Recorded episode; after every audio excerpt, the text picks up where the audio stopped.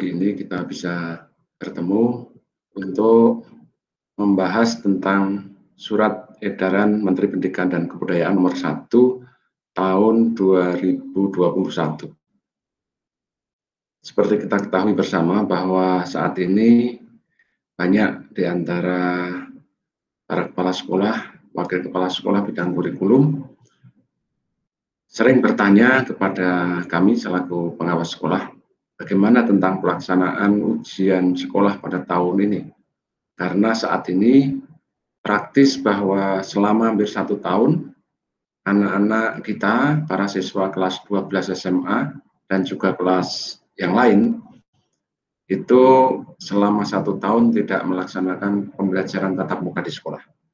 Sehingga ini merupakan sesuatu yang baru yang menimbulkan pertanyaan bagaimana kita melakukan uh, ujian untuk anak-anak kita yang uh, selama satu tahun tidak mengikuti proses pembelajaran di kelas, tetapi melaksanakan pembelajaran dengan sistem pembelajaran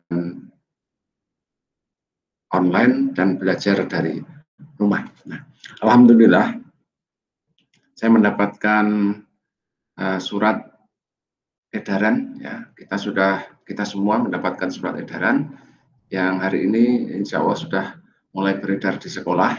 Oleh karena itu mari kita cermati bersama isi dari surat edaran tersebut. Mari kita lihat bersama-sama Bapak dan Ibu sekalian. Isi surat edaran Menteri Pendidikan dan Kebudayaan nomor 1 tahun 2021. Kita akan lihat uh, surat edaran tersebut. Surat edaran Mendikbud ya.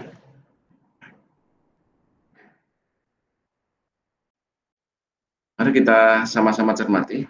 Surat edaran Menteri Pendidikan dan Kebudayaan nomor 1 tahun 2021 tentang peniadaan ujian nasional dan ujian kesetaraan, serta pelaksanaan ujian sekolah dalam masa darurat penyebaran coronavirus disesiasi atau COVID-19.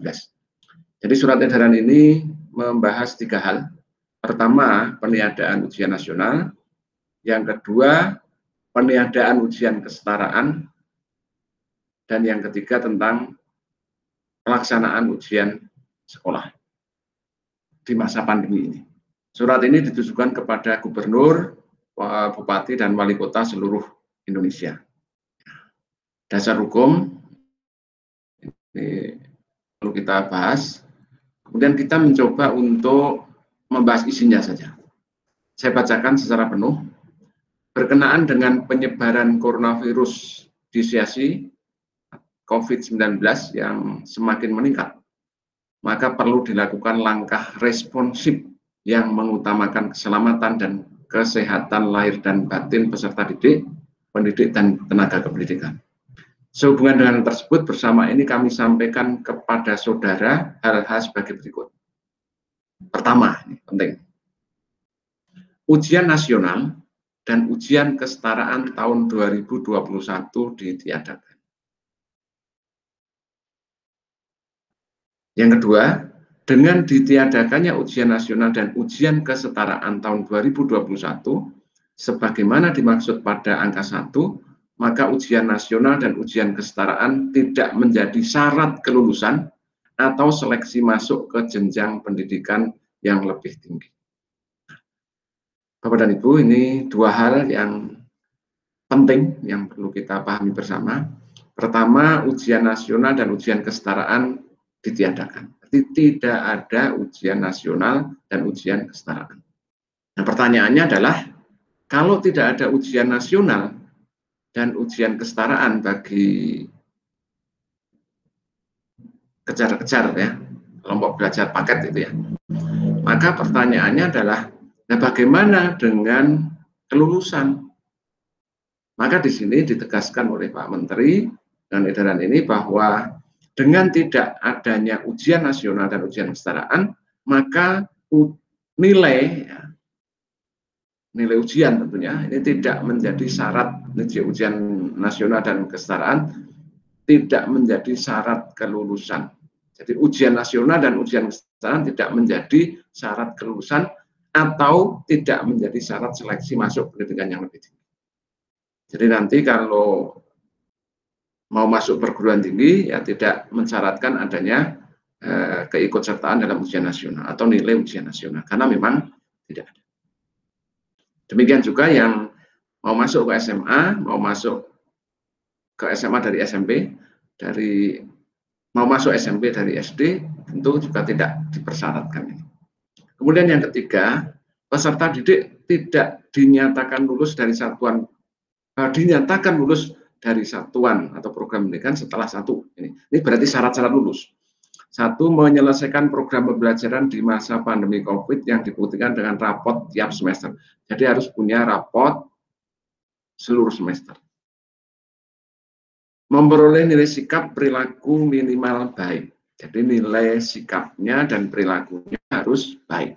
Yang ketiga, mengikuti ujian yang diselenggarakan oleh satuan pendidikan. Nah ini Bapak Ibu, di poin ketiga ini mengisyaratkan bahwa pertama, anak yang nanti bisa lulus atau tidak itu kalau dia menyelesaikan seluruh program yang dibuktikan dengan dia punya nilai raport lengkap seluruh semester. Jadi semester 1, 2, 3, 4, 5, dan 6 tentunya. Memperoleh nilai sikap perilaku baik. Jadi, jadi semester 1, 2, 3, 4, 5, dan 6 tentunya.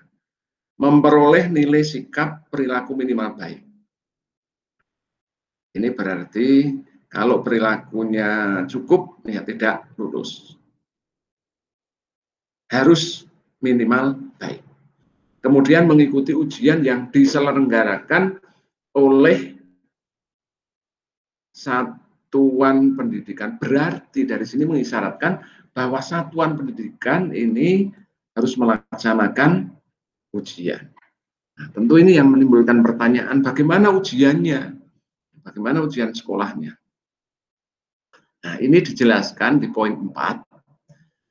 Di sana disebutkan bahwa ujian yang diselenggarakan oleh satuan pendidikan dilaksanakan dalam bentuk pertama ya, A, portofolio berupa evaluasi atas nilai rapor, nilai sikap perilaku dan prestasi yang diperoleh sebelumnya.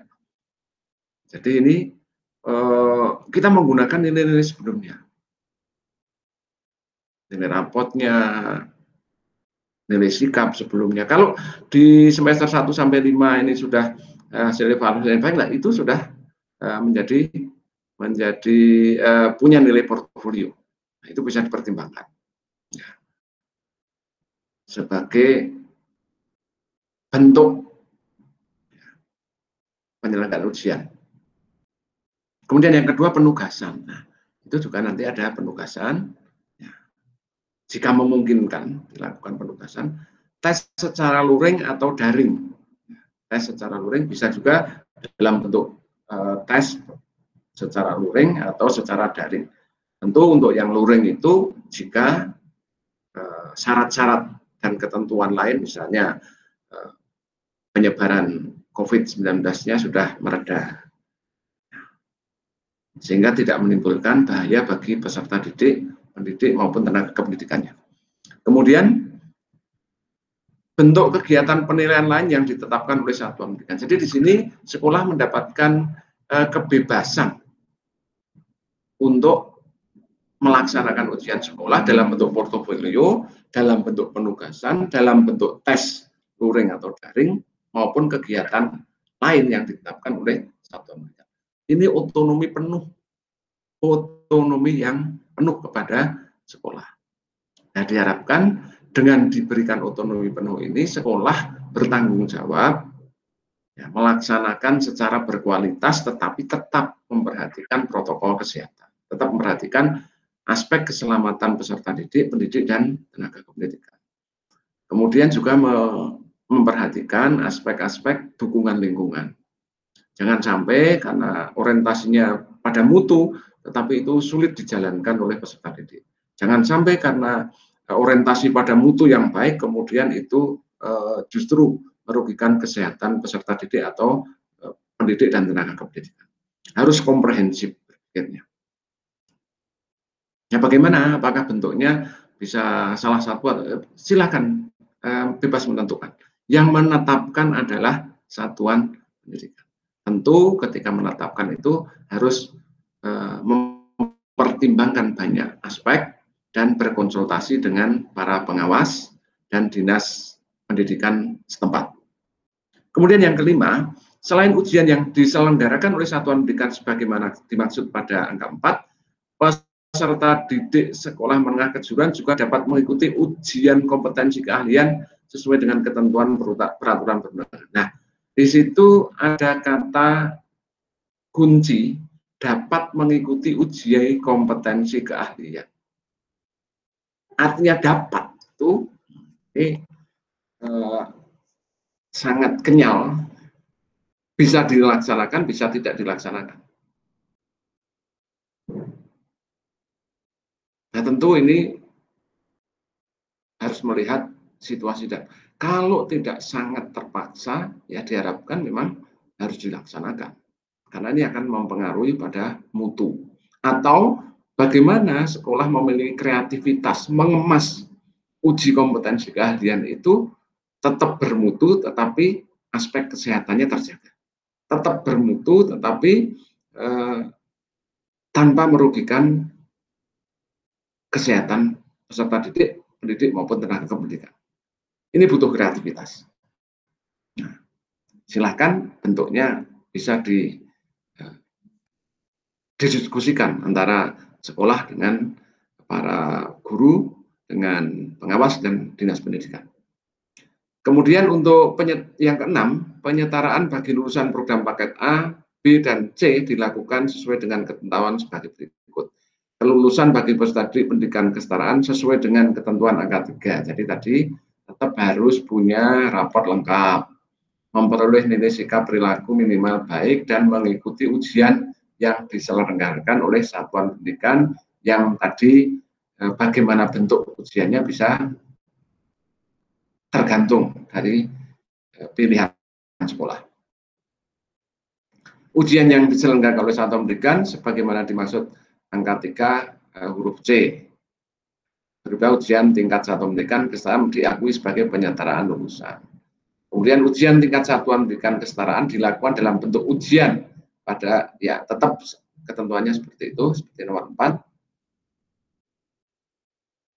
Pesertanya ya, adalah peserta didik yang terdaftar di daftar nominasi peserta ujian pendidikan kesetaraan pada Dapodik. Untuk anak usia dini, pendidikan dasar dan pendidikan menengah. Jadi eh, pesertanya harus yang ada di dalam Dapodik. Kalau tidak terdaftar di dalam Dapodik, tentu bukan eh, tidak bisa menjadi peserta ujian tingkat satuan pendidikan. Kemudian yang E, hasil ujian tingkat satuan pendidikan kesetaraan harus dimasukkan dalam data pokok. Nah, ini, ini untuk hal yang penting. Ya, hasilnya juga harus masuk di dalam uh, data pokok. Di surat edaran ini juga mengatur tentang kenaikan kelas. Karena juga anak-anak yang kelas 10, kelas 11 selama satu tahun juga tidak melaksanakan pembelajaran tatap muka di sekolah, tetapi melaksanakan pembelajaran dari rumah. Ini diatur di poin 7A. Ujian akhir semester untuk kenaikan kelas dapat dilakukan dalam bentuk portofolio berupa evaluasi atas nilai rapot, nilai sikap, kemudian nilai prestasi yang diperoleh sebelumnya. Penugasan bisa tes secara luring atau daring atau bentuk kegiatan penilaian yang ditetapkan oleh satu. Jadi untuk ujian semester ini ketentuannya hampir sama dengan ujian sekolah. Kemudian yang kedua, ujian akhir semester untuk kenaikan kelas dirancang untuk mendorong aktivitas belajar yang bermakna dan tidak perlu mengukur ketuntasan capaian kurikulum secara menyeluruh. Nah, baik Bapak Ibu sekalian ini penting. Ketentuan 7B ini memberikan fleksibilitas kepada kita untuk tidak terpaku kepada capaian ketuntasan kurikulum secara menyeluruh. Mengapa? Karena kondisinya darurat. Sehingga kalau dari seluruh si kurikulum kemarin sudah disederhanakan. Kemudian dari yang sederhanakan itu dicoba untuk dilakukan eh, dilakukan pengukuran. Meskipun capaiannya tidak untuk seluruh kurikulum, karena memang sudah disederhanakan. Kemudian juga mengatur tentang penerimaan peserta didik baru untuk tahun 2021-2022 itu diatur di poin 8. PPDB dilaksanakan sesuai dengan Peraturan Menteri Pendidikan dan Kebudayaan Nomor 1 Tahun 2021 tentang penerimaan peserta didik baru pada TK, pada SD, SMP, SMK. Jadi sudah ada Permen Dikbud nomor 1 tahun 2021. Itu nanti uh, akan kita bahas tersendiri. Kemudian Pusat Data dan Informasi Kementerian Pendidikan dan Kebudayaan menyediakan bantuan teknis bagi daerah yang memerlukan mekanisme PBDB daring. Jadi untuk PBDB daring, Bapak Ibu semua, itu ada fasilitasi bantuan teknis dari uh, Pusat Data dan Informasi Kementerian Pendidikan dan Kebudayaan, Pusdatinnya, Kemendikbud. Ya. Nah, kemudian yang kesembilan, ketentuan yang dimaksud pada angka 3 sampai dengan angka 8 tadi yang mengatur tentang ujian, kemudian kenaikan kelas, dan juga PPDB ini dilaksanakan sesuai dengan protokol kesehatan. Itulah Bapak semuanya eh, edaran Menteri Pendidikan dan Kebudayaan nomor 1 tahun 2021 tertanggal 1 Februari 2021.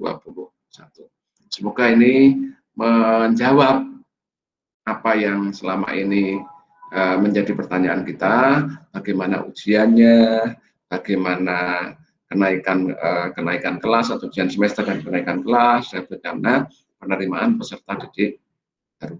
Semoga ini memberikan informasi yang uh, cukup bagi kita semua sehingga nanti uh, Bapak Ibu bisa menindaklanjuti peraturan menteri ini dalam aktivitas Bapak Ibu sehari-hari selaku pelaksana di tingkat satuan pendidikan. Ya, terima kasih. Semoga bermanfaat untuk kita semua. Mari kita selalu menjaga kesehatan dan melakukan aktivitas dengan mengedepankan kesehatan dan mengupayakan agar apa yang kita lakukan senantiasa ber. Assalamualaikum warahmatullahi wabarakatuh.